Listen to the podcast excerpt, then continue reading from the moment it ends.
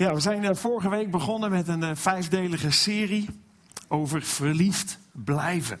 En uh, vandaag deel 2. En deel 2 met als titel Liefde is de ander gelukkig maken. Nou, vorige week zei ik al, het is niet zo moeilijk om verliefd te worden. Het enige wat je daarvoor nodig hebt is een polsslag. als je hart klopt, dan, dan hoeft dan weer iets te gebeuren en dan kun je verliefd te worden. Maar verliefd blijven, daar is eigenlijk een plan voor nodig, zou je kunnen zeggen. Daar, daar is bewuste actie voor nodig. Daar moet je over nadenken. Dat is niet meer iets wat vanzelf gaat, wat van binnenuit komt, maar waar je wat voor moet doen. Verliefd worden overkomt ons, dat is een heerlijk gevoel. Ik weet niet of we ons dat nog kunnen herinneren toen je dat de eerste keer overkwam. Weet je dat nog? Wanneer je voor de eerste keer verliefd was. Was je toen ongeveer deze leeftijd, misschien iets ouder? Weten we dat nog? Weet je nog op wie? Wie, wie, wie is er al verliefd geworden in de kleuterschooltijd, zeg maar? Oh, dat is toch wel aardig wat. Of tegenwoordig staat groep 1-2. Groep 1-2. Wie was daar al verliefd? Ja. Oké. En je weet ook nog wel een naam, denk ik, erbij. En een situatie. Ik weet het nog heel goed. Verliefd werd, meisje heette Sonja. En dan mocht ik toen een keer spelen. Oh, man, heb ik een week uh, helemaal in de rats gezeten hoe dat zou moeten gaan. En helemaal holde de bollen. Nou, het is niks geworden, maar wel heel verliefd geweest. Verliefd worden, dat zeiden we vorige keer ook, is gemakkelijker dan ooit.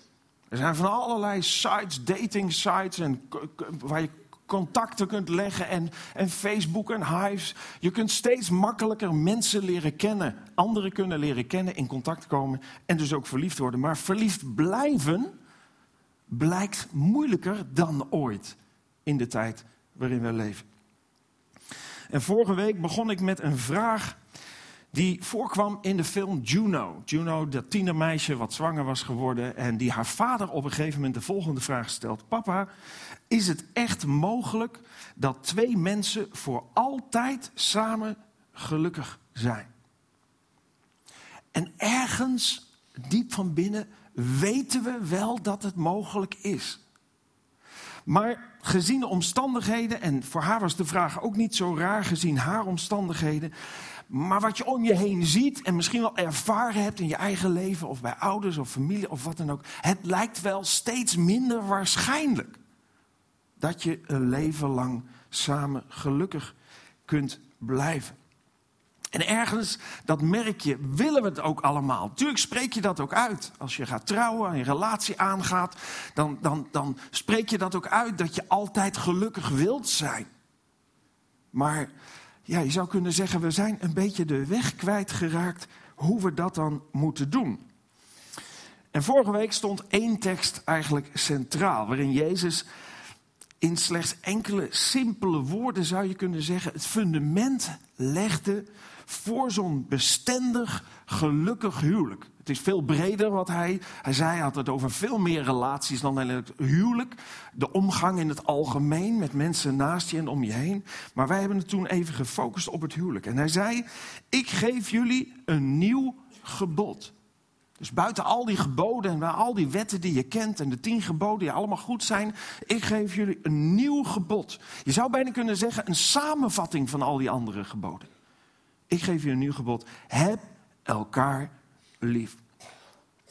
En wat vorige week heel duidelijk werd, is dat God, en in dit geval Jezus die het uitspreekt, liefde gebruikt als een werkwoord, meegeeft als een opdracht. Liefde is geen gevoel, vorige week gezegd. Verliefdheid is wel een gevoel, hoef je niks voor te doen, komt vanzelf, maar verdwijnt ook weer vanzelf.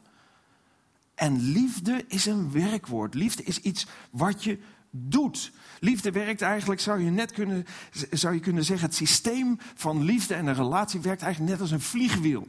Ik weet niet of je dat kent, als je een beetje met techniek bekend bent. Een vliegwiel zit vaak in een brommer en hier op een oude motor. En je ziet er bij een, bij een misschien is het een stoomgemaal of zo, zie je van die grote vliegwielen. Die ervoor zorgen dat, dat, dat krachten gelijkmatig verdeeld worden. er wordt kracht op uitgeoefend, zijn heel moeilijk in beweging te zetten. Maar als ze in beweging blijven, dan blijven ze ook doordraaien. En, en je zou kunnen zeggen, als, als dat gevoel, dat vliegwiel is, Dan is het de bedoeling dat dat vliegwiel blijft draaien. In eerste instantie wordt dat aangezwengeld door verliefdheid. Maar later moet dat steeds gevoed worden door liefde. Door daden van liefde. Zodat dat gevoel ook daadwerkelijk doorgaat. Liefde in uitvoering. En die tekst die we vorige week lazen ging nog een stukje verder. Jezus zei, ik geef jullie een nieuw gebod, heb elkaar lief, zoals, zei hij, ik jullie heb lief gehad, zo moeten ook jullie elkaar lief hebben. Eigenlijk zegt Jezus in het tweede gedeelte van die tekst, ik wil graag in die liefde jullie voorbeeld zijn. Waarom? Omdat Hij de bron van liefde vertegenwoordigt. We kunnen wel denken dat we weten hoe liefde werkt en hoe het functioneert. Maar in wezen zegt Jezus, ik ben de bron van liefde. God is liefde. En hij zegt, ik wil dat je niet kijkt naar de cultuur waarin je leeft om te kijken hoe functioneert de liefde. Ik wil niet dat je soapseries of films als referentie neemt om te kijken hoe liefde functioneert. Ik wil niet dat je kijkt naar je ouders of grootouders, alhoewel die misschien best een heel goed voorbeeld kunnen zijn. Dat zou kunnen. Maar herken dat dan maar vanuit het kijken naar Jezus. Om te herkennen, hé, hey, dat doen mijn ouders ook. Hé, hey, dat deden mijn grootouders ook. Jezus zegt, kijk naar mij, niet naar je vrienden, niet naar anderen om je heen. Ik wil eigenlijk een voorbeeld voor je zijn. Ik wil dat jouw liefde voor je partner een reflectie is, een weerspiegeling is van mijn liefde voor jou. En dat je daarvan uit ook handelt. Na een aantal jaren nadat Jezus deze woorden uitsprak, was er een zekere Paulus, misschien wel eens van gehoord. Paulus die pas, die, die in de tijd dat Jezus op aarde liep, helemaal niet met hem optrok, niet een van zijn discipelen of leerlingen was. Sterker nog, hij was een, degene die probeerde die hele beweging die Jezus in gang had gezet, te beïnvloeden ten negatieve. Hij probeerde het uit te roeien. En hij werd door Jezus zelf in zijn nekvel gepakt, zou je kunnen zeggen. En gewezen op wie hij daadwerkelijk was. En deze Paulus, die had veel geleerd over de liefde van Jezus. En gezien en ervaren en gehoord van anderen. En hij ging gemeente, hij ging kerken stichten. En hij heeft een heel aantal rondreizen gemaakt waarin hij verschillende kerken stichtte. En als die kerken gesticht had, één keer in de zoveel tijd, schreef hij naar die kerken een brief. Gewoon ter bemoediging, maar ook om nieuwe dingen te leren. En dat deed hij ook naar een van de gemeenten, en dat was in Filippi, aan de Filippenzen. Een eh, gemeente in, uh, in Griekenland, het oude Macedonië. En hij schreef aan hun over de liefde van Jezus. En ook hoe we die liefde in onze relaties moeten toepassen. En ja, als je dat gaat doen, dat geldt voor, voor alle onderdelen van deze vijf, vijf delen in deze serie. Als je deze dingen gaat toepassen in je relatie, in je huwelijk, dan ga je daar het effect van merken. Het kan niet zo zijn dat je hier vijf weken hebt gezeten straks en dit hebt gehoord en er geen effect van merkt, tenzij je er niks mee doet. Dat kan natuurlijk. Ik denk, het was leuk, leuk filmpje, leuke liedjes. Nou, leuke grapjes, en, maar niet voor mij.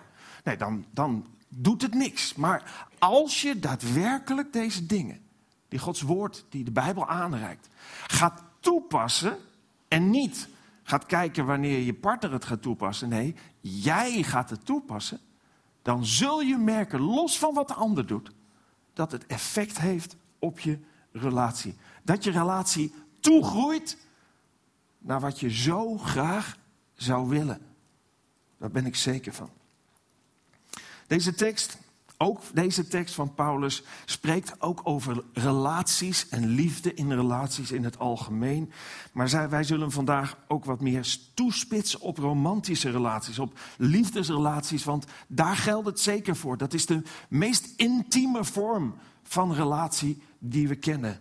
Een relatie tussen man en vrouw.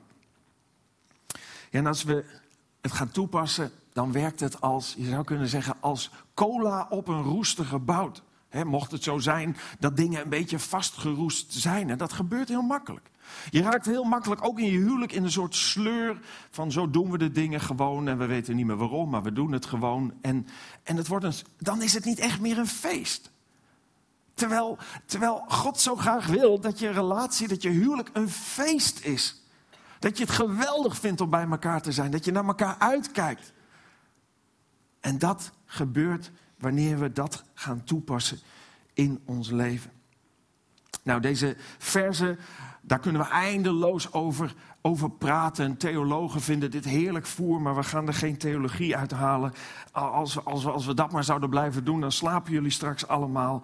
Maar we gaan het gewoon praktisch benaderen. Eigenlijk zo dicht mogelijk bij wat de tekst direct tot je zegt. En Paulus begint in Filippenzen 2 in die brief aan de Filippenzen het volgende te zeggen. Doe niets uit eigen belang of eigen dunk. En als Paulus zegt niets, dan bedoelt hij niets. Doe niets uit eigen belang of eigen dunk. En dat zegt hij niet maar zo, dat zegt hij niet maar, nou, laat ik eens wat zeggen. Nee, hij weet hoe hij zelf hoe de mens in elkaar zit. Hij wees toen al hoe wij in elkaar zitten en hoe ik in elkaar zit. Hoe je geneigd bent juist de dingen te doen vanuit dat eigenbelang, vanuit egoïsme en vanuit jezelf heel wat vinden. Eigenlijk zegt hij: ga niet voor je eigen geluk, maar voor het geluk van je partner. Wees niet gericht op je eigen voorkeuren, je eigen verlangens, maar wees gericht op de voorkeuren van je partner. Ja, en hoe zou jij dat vinden als je partner dat zou doen? Dat hij werkelijk niet op zichzelf gericht is, hij of zij, maar dat werkelijk gericht is op jouw geluk. Ik weet zeker dat je dat geweldig vindt. Misschien in het begin even wennen, doe niet zo eng, maar op een gegeven moment ga je dat echt waarderen. Dat is geweldig als dat ontstaat. Nou, omdat jij dat zo fijn vindt, ga er dan maar vanuit dat je partner dat ook fijn vindt. En wacht maar niet af tot hij of zij het doet. Nee, de opdracht hier is in de eerste instantie aan ons. Niet van, van hoor je wat hij zegt? Nee, voor jou. Ik wil jou gelukkig maken in eigen belang en eigendunk zit, zit ook altijd iets van, van competitie. En in heel veel huwelijken en heel veel relaties is ook sprake van competitie. Dat heb je soms niet in de gaten, want dat zit er maar in hele kleine dingen. En competitie brengt je niet dichter bij elkaar. Maar dat zorgt juist dat je uit elkaar wordt gedreven. Bijvoorbeeld gelijk willen hebben is een vorm van competitie. Hebben jullie allemaal geen last van waarschijnlijk in je relatie? Dat je gelijk wil hebben, hè, of dat je het beter weet. Of dat je probeert altijd de slimste te zijn. Ik wil altijd slimmer zijn dan hem of dat, haar, dat, dat zij is. Of, of nog even benadrukken wanneer hij of zij iets niet goed zei. dat herkennen jullie ook niet. Oh, waren gisteren, oh, gisteren een leuke dag gehad. We zijn naar Rotterdam geweest, naar de haven. Er lagen zoveel boten. Uh, schat, dat zijn geen boten, dat zijn schepen. Oh, Oh, nou, we hebben een hartstikke leuke tijd gehad, jongen. Drie uur rondgelopen daar. Nou, nou, nou, drie uur. Het was krap tweeënhalf hoor. Ja, en onze Bart, dat was zo leuk. Die was helemaal, die was helemaal in zijn sas, want die, die kwam daar, die kwam daar een, een, een, een Ferrari tegen. Zo'n mooie rode Ferrari.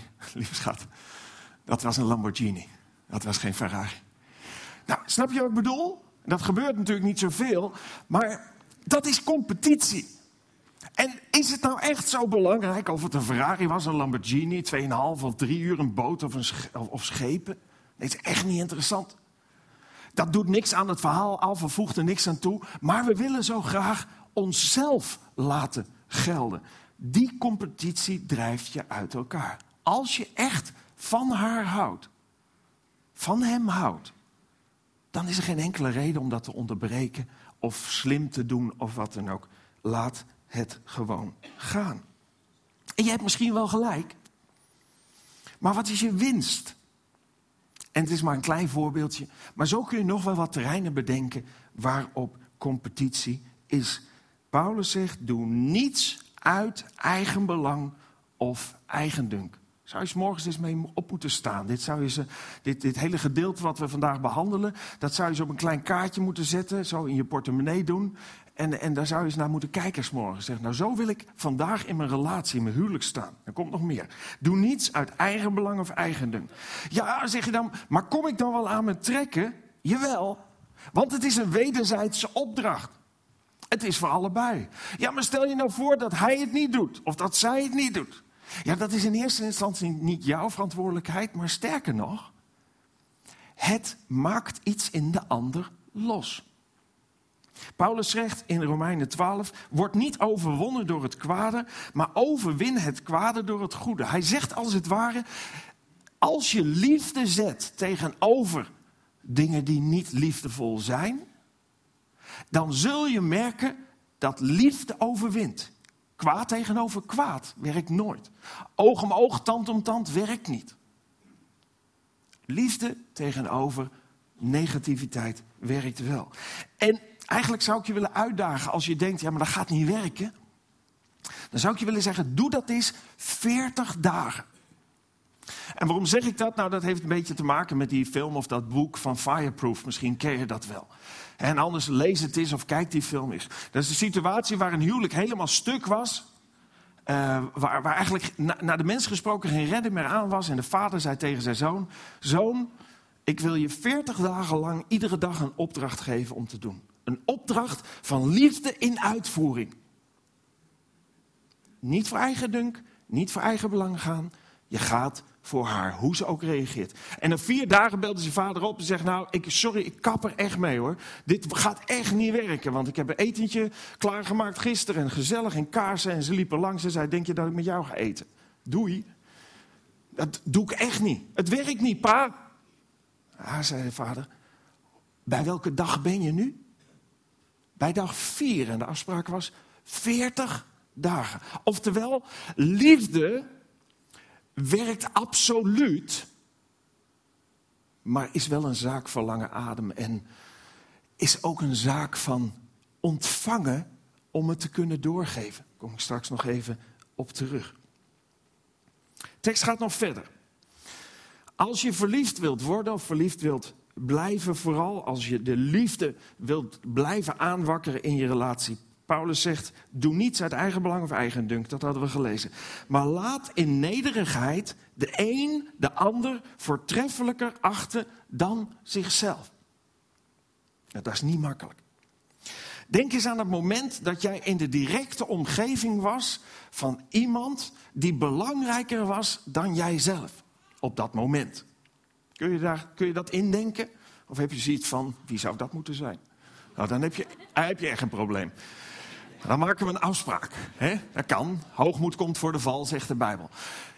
Maar denk eens bijvoorbeeld aan de laatste uh, bruiloft waar je bent geweest. Iedereen stond in de rij voor het bruidspaar. Niemand stond in de rij voor jou. Iedereen keek toen zij binnenkwamen. Niemand keek zelfs maar op toen jij binnenkwam. Dat was dat bruidspaar was daar, stond in het middelpunt, was belangrijker Jij was niet de belangrijkste persoon. Paulus zegt als het ware: gedraag je ten opzichte van je partner zoals je zou doen ten opzichte van die belangrijke persoon. Heb zo'n grote waardering voor degene die als partner naast je staat, dat je dat uit alles laat blijken hoe belangrijk hij of hoe belangrijk zij is. En dat kan in hele kleine dingen. Dat kan in een deur voor iemand open houden. Dat noemen ze geland. Maar dat heeft ook iets te maken met ik vind jou belangrijk. Dat heeft te maken met tijd vrijmaken. En aandacht hebben voor iemand in plaats van ja en nee mompelen terwijl je de krant leest. Dat heeft te maken met iemand in een jas helpen. Dat heeft te maken met wat we net zeiden: de persoon niet onderbreken in zijn verhaal omdat jij zulke belangrijke dingen hebt te vertellen. En je hoeft je partner niet te behandelen omdat hij of zij belangrijker is. Je bent in een relatie gelijkwaardig. Maar omdat het behandelen van de ander als een belangrijk persoon, iemand die heel waardevol voor je is. Denk maar even aan hoe je omgaat met waardevolle spullen. Misschien heb je hem wel in de garage staan, jouw waardevol, iets wat je waardevol vindt. En dat poets je en dat onderhoud je en, en, en dat was je en dat noem allemaal maar op. En dat zijn maar dingen. Maar hoe laat je zien hoe waardevol je partner voor je is? We gaan heel even kijken naar een videootje. Daar zien we wel iets van hoe waardevol je je partner kunt vinden.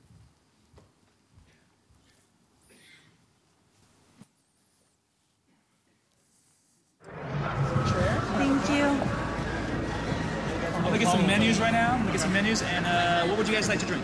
Um, uh, sex on the beach. Can you make that happen? Sex on. I can make that happen. Sex on. the I, I don't drink, but you know No what? It's a no special wine, no night. Special night. She's great. Sex on the beach. You know what? It's a special night, and we're not driving. Send her in. So Olivia, why don't we go ahead and walk over and just wait for my Watch cue to Now the- that hits the fan. Here it comes. Justin? How are you? My God. Really? Yeah, they're good. Wow. Uh, this is Nikki, by the way. Hi. I'm Nikki. Nice Olivia. to meet you. Nice to meet you. So, what are you guys doing here tonight?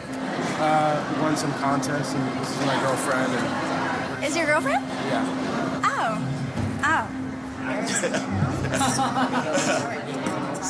so things have been good. Time, you look good. Time's been good to you. yeah, it's been a while.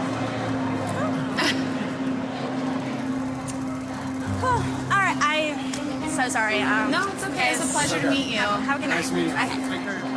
Bye. Who is that? Just only got two. Don't worry about it. It was the girl I used to talk to back in the day. I was about to wring her neck. She shook my hand like a wet noodle. Like, She's pretty pissed off. she was like, uh-huh. nice to meet you too. Oh, okay. Send her in. Yeah, yeah, go. Let's do it. She looks like a disco ball.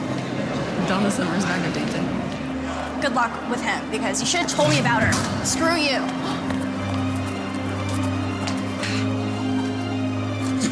Security and security. Oh, security in. What's going on? Wow. What happened? This isn't funny. Whatever this is, this isn't funny. Did you throw water at him?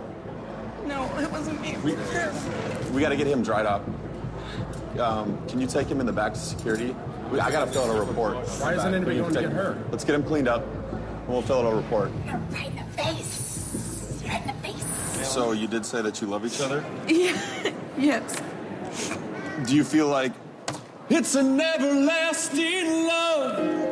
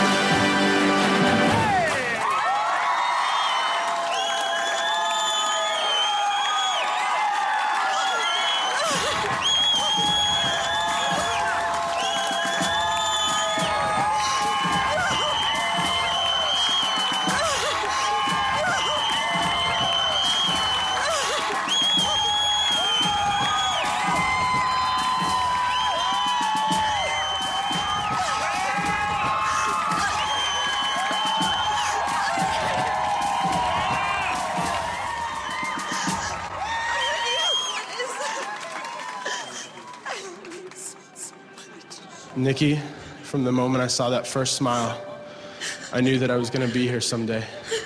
I didn't know it was going to be like this, but I knew that you were my everything. I want to spend the rest of my life with you. I want you to be my eternity. Will you marry me?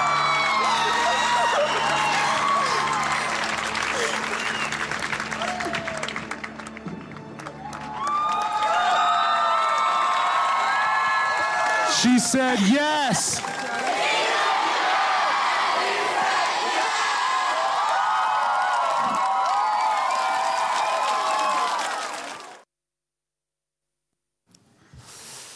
Ja, je mag de tissues doorgeven. Ja, dus als je echt van je vrouw houdt, dan regel je wat voor haar.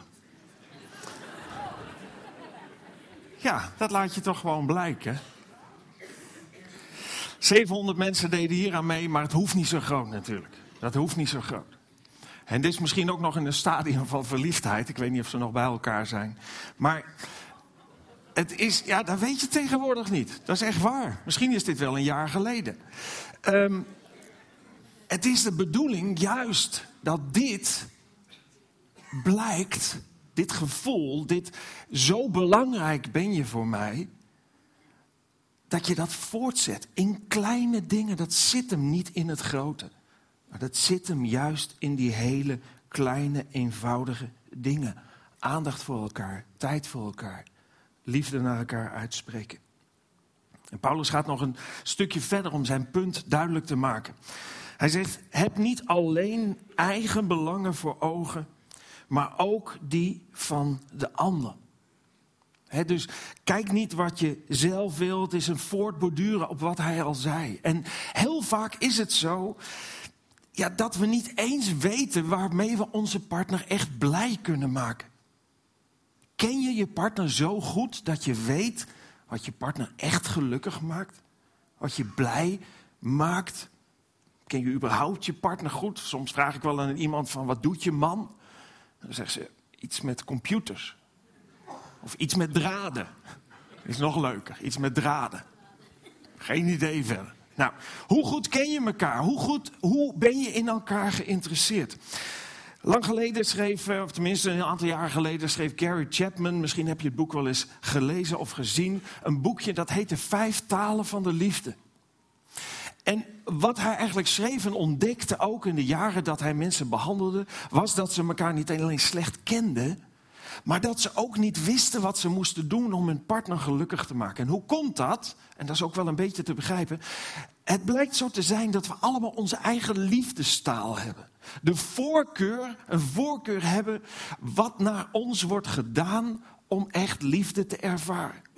En hij kwam erachter dat mensen altijd geneigd waren om hun eigen liefdestaal te spreken naar hun partner. Om een voorbeeld te geven, je houdt ontzettend veel van aardbeienijs.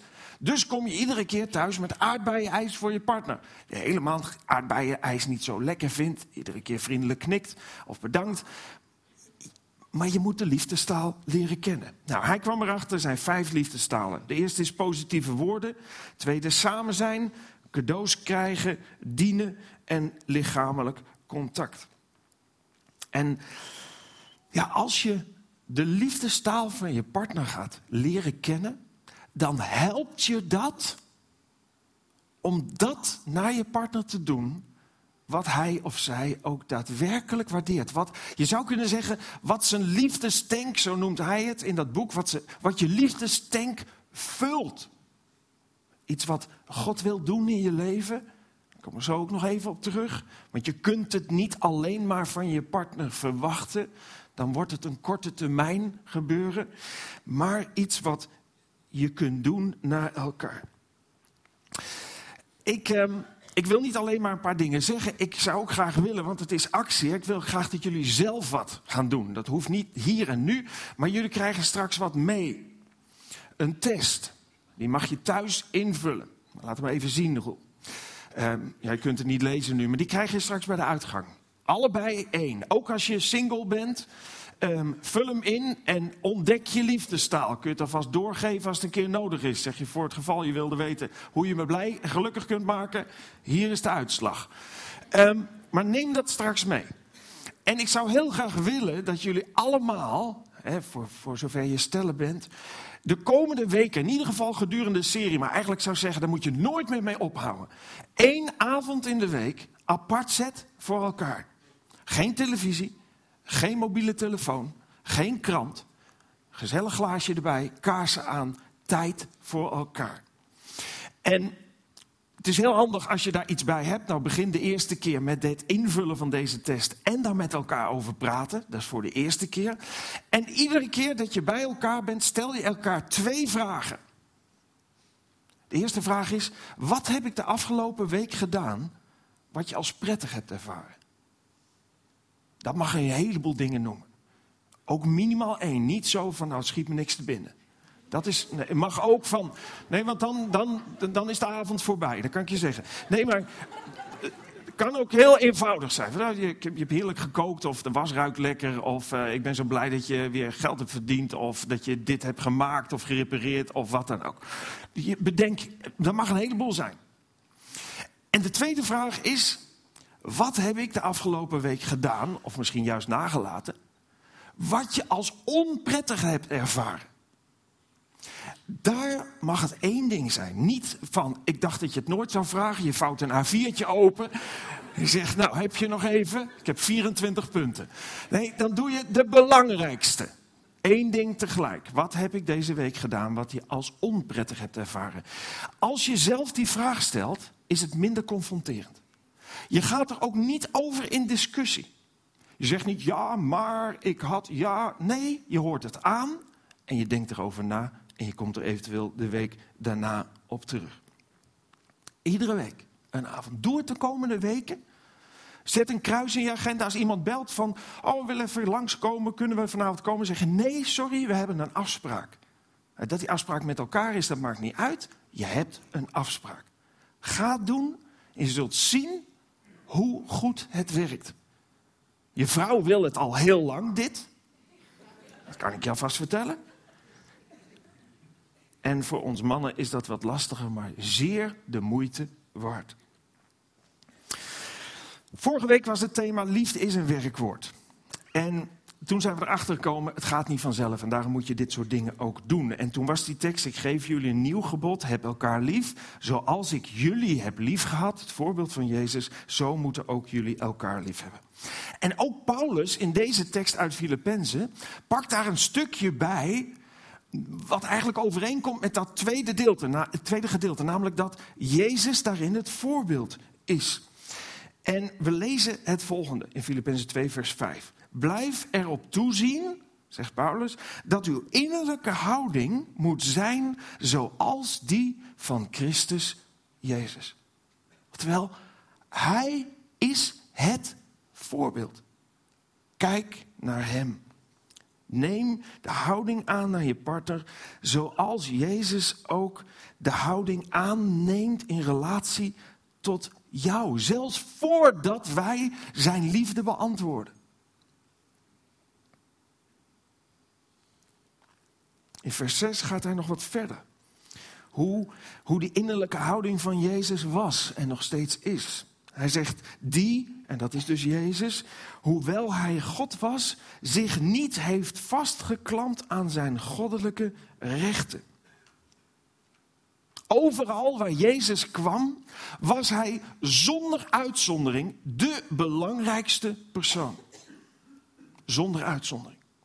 Maar Jezus drukte nooit op de ik heb recht op knop. Jezus claimde dat nooit. Jezus zei nooit van ga eens even aan de kant. Weet je wel wie ik ben? Ik ben Jezus. Of geef maar even. Of hier moet ik eten. En aan de kant allemaal, want ik ben Jezus. Of heb niet zo'n grote mond tegen me. Weet je wel tegen wie het hebt? Hoopje stof. Ik ben Jezus. Nooit, nooit nam Jezus die positie in. En dat lezen we ook, want de tekst gaat verder en die zegt: Integendeel, hij legde zijn grote macht en heerlijkheid af. Een macht die boven alle macht van deze wereld staat. Hij legde zijn grote macht en heerlijkheid af en kwam als dienaar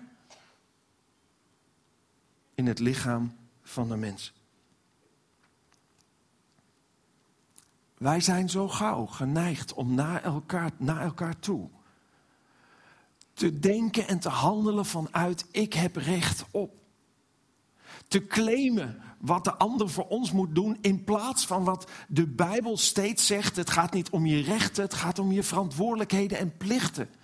En Jezus liet zien dat hij niet uitging van zijn rechten, want dan waren we hier al lang allemaal niet meer geweest. Maar dat hij een dienaar werd. Ik zeg altijd, een eisende houding bevriest de relatie. En ik weet dat eisend niet goed geschreven is. Maar dat is om het punt duidelijk te maken. Een eisende houding, een claimende houding, een houding van ik heb recht op, bevriest de relatie. En Jezus liet zien dat liefde dient. Liefde eist niet. Liefde heerst niet. Liefde dient. Wat kon ik doen om jou gelukkig te maken? En je hebt geen idee wat er met jouw relatie gebeurt als dit je grondhouding wordt. Als je verliefd bent, dan gaat dat allemaal vanzelf. Dan loop je van, van hier naar Amsterdam om je, om, om, je, om je vriendin te zien. Maar als je een tijd een relatie hebt, loop je misschien nog niet van hier tot de afstandbediening voor je vrouw. Een enorme verandering die er plaatsvindt. Maar als er weer liefde komt, vanuit een dienende houding naar het voorbeeld wat Jezus ons heeft laten zien, dan smelt dat het ijs en dat doet de liefde weer opvlammen. Dat doet je hart weer verwarmen. Dat brengt weer vuur in de relatie en daar zal het ijs voor moeten wijken. De reden van de komst van de Heer Jezus naar deze aarde was eigenlijk dezelfde. Hij kwam om jou en mij gelukkig te maken. En wat hij daarvoor deed, lezen we in het vers waar we mee afsluiten. Filippenzen 2, vers 8 staat: Herkenbaar als een mens, vernederde hij zich en gehoorzaamde tot het uiterste, zelfs tot in de dood aan het kruis. Jezus houdt zoveel van jou en mij dat hij zijn leven voor je gaf. Dat hij diende. Dat hij die liefde gaf en uitdeelde lang voordat wij liefde aan hem gaven. Of zelfs maar misschien enig idee hadden wie hij was. Hij wist dat we nooit gelukkig zouden worden als er geen oplossing zou komen voor onze zonde. Als er geen oplossing zou komen voor de scheiding die er is, die er ontstaat wanneer we zondigen ten opzichte van God. Het feit dat we dan van God los zijn, geen relatie meer met Hem kunnen hebben, voor eeuwig verloren gaan.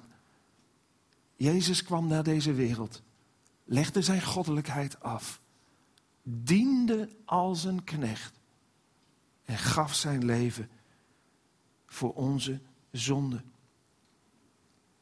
En weet je wat er gebeurt? Als je ingaat op die uitnodiging van Jezus die zegt, voor jou heb ik mijn leven gegeven. Als jij het offer wat ik bracht, als jij de prijs die ik betaalde voor jouw zonde en tekortkomingen aanvaardt, dan kun je opnieuw verbonden worden met God. En dat gebeurt door zijn geest. De Heilige Geest. Die ontvang je, waardoor je merkt dat er van het een op het andere moment iets in je leven heeft plaatsgevonden. Waar je ten diepste je hele leven al naar verlangt. Naar rust, naar zekerheid, naar zijn onvoorwaardelijke liefde. En die geest werkt in jou uit dat jij in staat bent om die liefde door te geven. Want dat hele voorbeeld en de hele uitgangspunt van je moet de ander lief hebben en je moet er voor de ander zijn, dat is vanuit de mens niet vol te houden. Dat kun je wel een tijdje doen, dat kun je een paar weken doen en dat werkt echt ook dan. Maar wil je het volhouden op de lange duur, kan het alleen als je aangesloten bent op de bron van liefde door Gods geest. Want wat werkt die geest in ons uit? Dat lezen we in Galaten 5 tot slot. Maar wat de geest doet groeien en rijpen, wat de geest door ons heen doet, wat Gods liefde doet, doet rijpen is liefde, vreugde, vrede, geduld, vriendelijkheid, goedheid en vertrouwen. En zult merken dat als jij die stap zet om de ander gelukkig te maken, dat God het door zijn geest zal bekrachtigen. Laten we bidden, dank. Dank u wel, Heere God, dat u, dat u zoveel van ons houdt. Dat we, dat we niet verloren zijn gegaan. Heer, dat, we, dat de aarde er nog is, dat er nog een kans is ook om u te leren kennen. Want misschien zitten we hier wel en kennen we u niet. Zijn we alleen op zoek of meegekomen met iemand of ten diepste zoeken we allemaal die onvoorwaardelijke liefde die alleen u kunt geven. En ik wil u zo bidden, Heer, of u onze harten daarmee wilt aanraken. Ik kan het niet bewijzen, ik kan het niet op het scherm laten zien, ik kan het niet te koop aanbieden. Heer, het is iets wat u geeft en ons aanbiedt en ons aanreikt. Ik wil u bidden, Heer, voor ons allemaal. Raak ons hart aan met uw liefde. En misschien hebben we nog nooit de deur van ons hart voor u opengezet. Dan wil ik u bidden, Heer. Klop aan ons hart. Zodat we zullen open doen en u zullen binnenlaten en eeuwig leven mogen ontvangen. Dank u wel, Heer, dat u van ons houdt. Dat u ons kent. Dat u de maker bent van het huwelijk dat u de maker bent van man en vrouw en dat het zo geweldig is om als man en vrouw samen te zijn. Om in liefde naast elkaar te staan. Wat een geweldig feest dat kan zijn. Heer, help ons om dat te zien, om dat te leren, om het toe te passen in ons leven. Tot eer van uw naam. bidden we zo in Jezus' naam. Amen.